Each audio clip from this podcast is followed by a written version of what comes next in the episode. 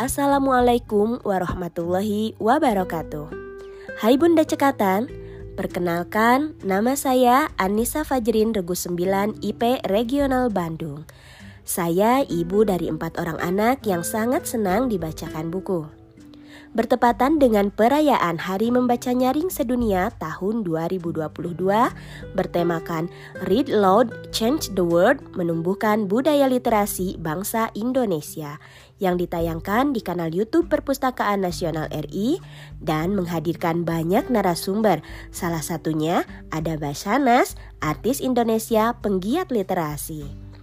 Di sesi sharing, Mbak Sanas menyampaikan bahwa read load bukan hanya sekedar membacakan cerita dengan nyaring, tetapi ada hal yang cukup penting yang perlu diperhatikan oleh kita sebagai pembaca buku sebelum membacakan cerita kepada anak.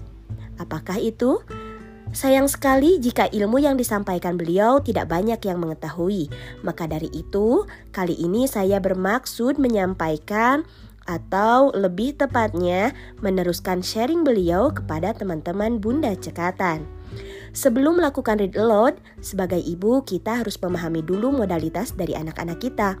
Modalitas anak untuk bisa memahami cerdas literasi.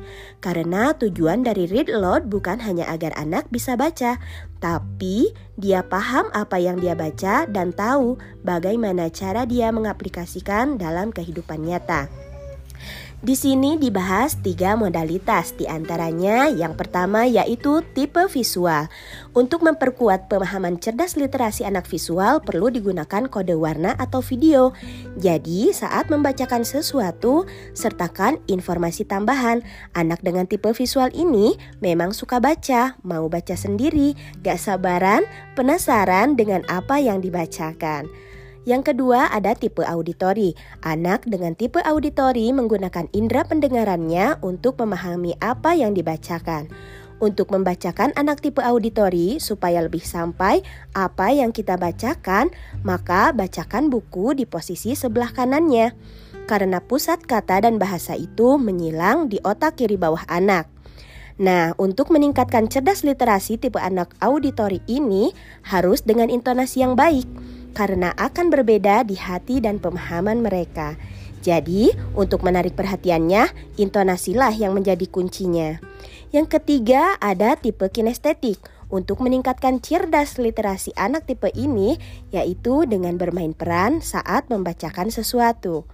Jadi, ternyata agar anak menjadi cerdas literasi, ada berbagai cara yang berbeda, tapi dengan tujuan yang sama.